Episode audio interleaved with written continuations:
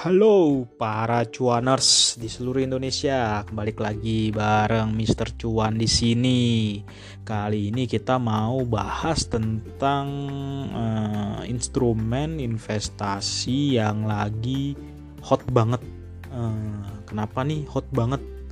Karena dia baru aja tembus rekor harga baru yang tertinggi di level 326 juta per gue nggak tahu kalau bitcoin tuh per apa ya. Ya intinya gue pengen bahas tentang bitcoin.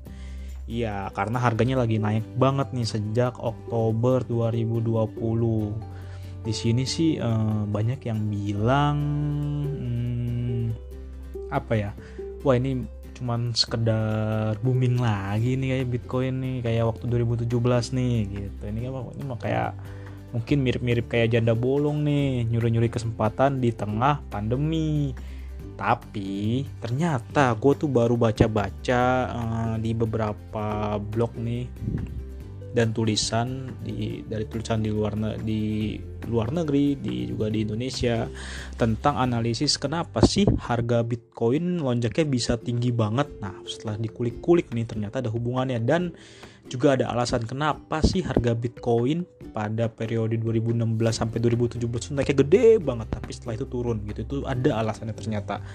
Nah biar enak dan kamu tahu apa sih sebenarnya yang bikin naik turun harga Bitcoin yuk kita bahas di sini gitu.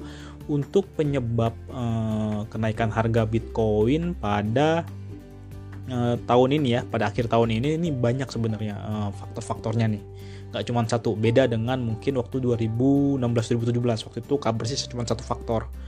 Kalau ini banyak apa aja tuh gitu.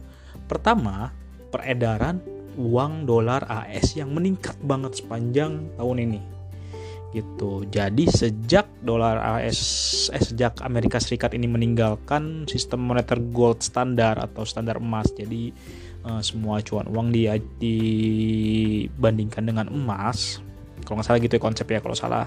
Cemiu. Uh, nilai uang dolar AS yang beredar sejak 1975 sampai 9 Maret 2020 itu sudah meningkat drastis banget. Jadi waktu 1975 itu cuman ada 273,4 miliar dolar AS lalu pada 9 Maret 2020 jumlahnya melejit drastis menjadi 4 triliun dolar AS nah jumlah peredaran dolar AS ini jadi makin tinggi nih pada 30 November 2020 menjadi 6,5 triliun dolar AS. Kenapa tiba-tiba AS mencetak banyak uang? Salah satunya adalah karena adanya program stimulus pemulihan ekonomi akibat pandemi COVID-19. Nah, untuk pemulihan ekonomi, uh, The Fed selaku bank sentral AS pun menerbitkan banyak uang ya kan buat uh, dorong ekonomi lah uh, niatnya gitu. Bahkan Kongres AS juga lagi ngobrol nih buat pengesahan program stimulus tambahan senilai 1 triliun dolar AS. Jika uh, ini disahkan, berarti 50% peredaran dolar AS yang ada di dunia saat ini dicetak pada 2020. Gila nggak? Ya kan? Nah, itu. Nah, namun uh, dari aksi cetak uang ini banyak investor yang khawatir Kenapa? E, dikhawatirkan hmm, program stimulus ini nggak efektif. E, cetak uang banyak tapi tidak memberikan efek ke ekonomi real. Hasilnya inflasi naik gitu. Jadi ada teori gini intinya. Jika peningkatan e, jika peningkatan jumlah uang yang beredar lebih cepat daripada ekonomi sektorial, maka inflasi bisa meningkat. Soalnya permintaan barang akan meningkat tapi pasokan barang tetap. Pengusahanya belum ekspansi nih tapi e, permintaannya naik gitu kan. Jadi mau nggak mau pengusaha pun akhirnya menaikkan harga sesuai hukum ekonomi. E, permintaan tinggi supply rendah ya harga naik gitu. Akhirnya investor pun mulai menimbang-nimbang nih. Kita harus mencari instrumen investasi yang mm, imbal hasilnya nih bisa lebih tinggi daripada potensi lonjakan inflasi tersebut. Apa tuh gitu yang bisa melindungi nilai investasinya? Nah kamu pasti menjawab, wah mungkin di emas yang paling pas untuk lindung nilai. Dan emas tuh selalu disebut dari zaman dulu hmm, sebagai instrumen investasi yang kebal inflasi gitu. Namun ketika pandemi ini eh, banyakkan investor di Amerika ya, gue nggak tahu kalau di Indonesia. Mereka eh, ternyata memilih aset lindung nilai yang berbeda dibandingkan dengan eh, di dibandingkan dengan teori klasiknya yaitu beli beli emas gitu. Lalu apa yang mereka beli? Mereka lebih memilih Bitcoin. Why? Why Bitcoin gitu? Padahal Bitcoin ini ya sampai ada yang bilang mirip-mirip trennya batu akik alias kayak monkey business gitu gitu. Tapi ternyata mereka justru menjadikan Bitcoin ini sebagai uh, lindung nilai. Kenapa? Begini.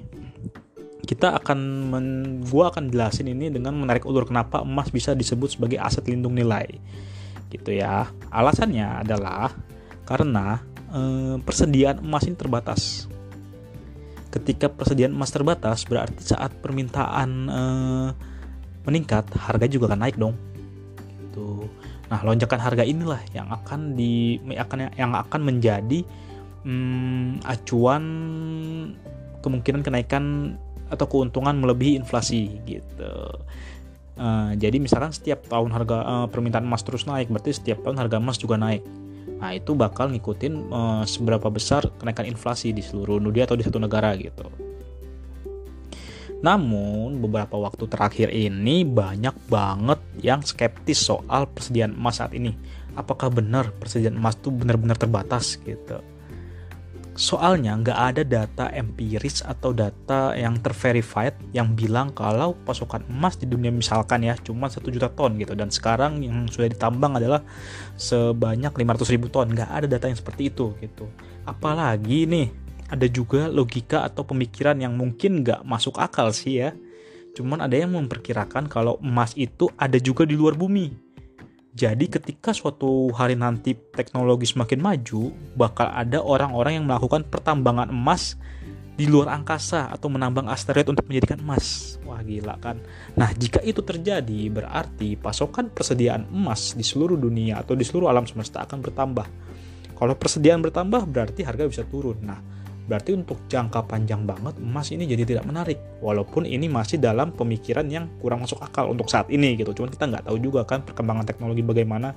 Siapa tahu benar-benar nanti SpaceX bisa bikin perusahaan mining di luar angkasa kita nggak tahu juga gitu.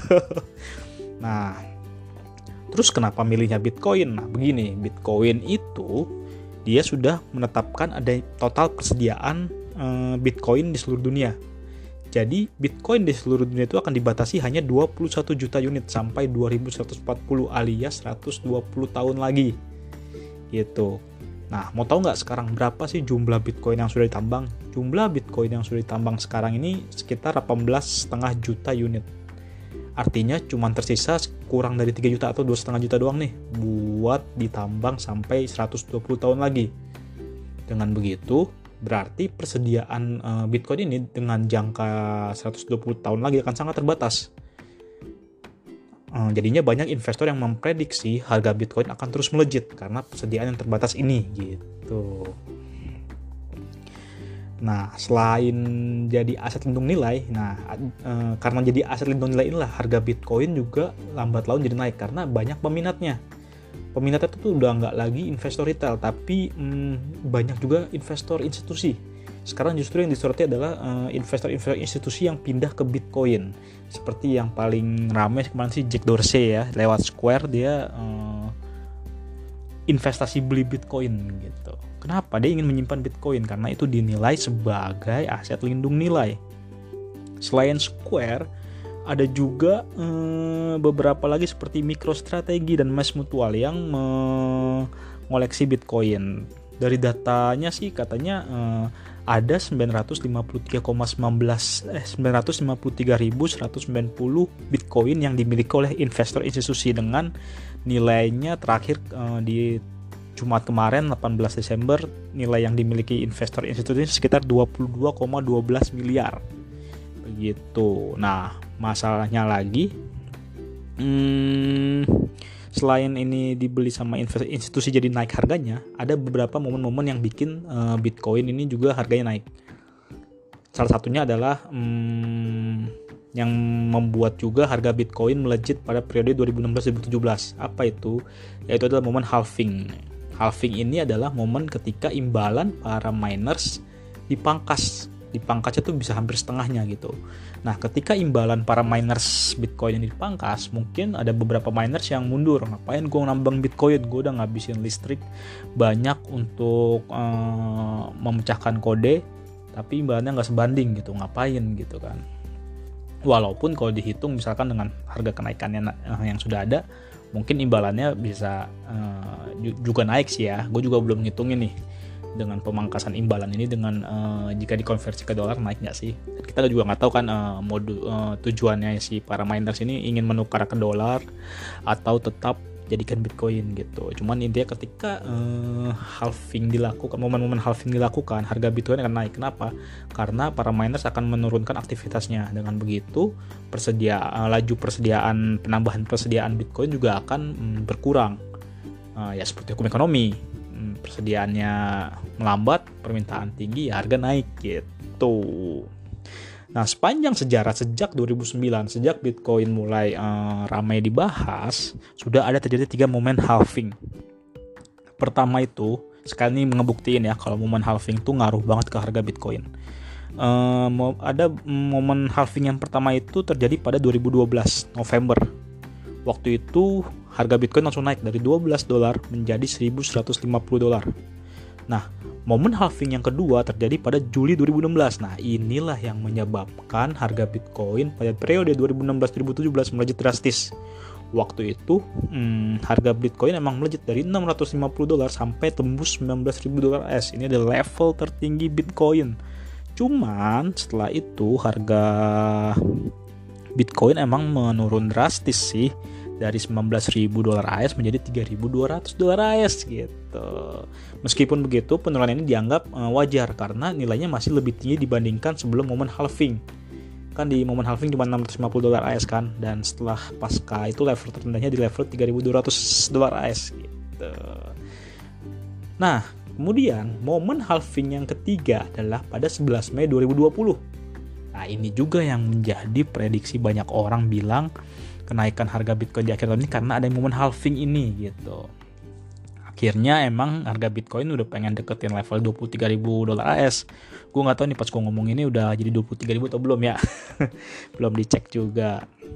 Di luar itu semua lagi-lagi ada lagi sentimen uh, mungkin nggak terlalu teknis tapi bisa mendorong permintaan Bitcoin yaitu dari banyaknya institusi yang mulai membuka diri terhadap cryptocurrency misalkan aja PayPal dengan jumlah uh, penggunanya sekitar 350 juta ya 350 360 juta pengguna aktifnya itu telah membuka, akan membuka diri untuk mm, mengizinkan transaksi dengan mata uang kripto seperti Bitcoin gitu. Kalau ini terjadi berarti bisa jadi pertukaran Bitcoin akan semakin kencang tuh. Pertukaran tuh bisa jadi dalam bentuk barang dan sebagainya gitu. Nah, eh, selain PayPal, ada juga DBS. DBS tuh kemarin sempat ngumumin dia bakal mau buka bursa kripto. Cuman pengumuman itu ditarik lagi. Alasannya karena belum dapat izin dari regulatornya gitu. Jadi ya udah kita cabut. Cuman sentimen PayPal dan DBS ini cukup juga ngerek kencang banget sih waktu itu pas bulan Oktober ya. Iya, nah selain itu ada juga Fidelity Digital Asset yang menyediakan layanan kustodian untuk mata uang kripto sejak Oktober 2018. Kini Fidelity juga memungkinkan kliennya untuk menjaminkan Bitcoin sebagai jaminan dalam sebuah transaksi.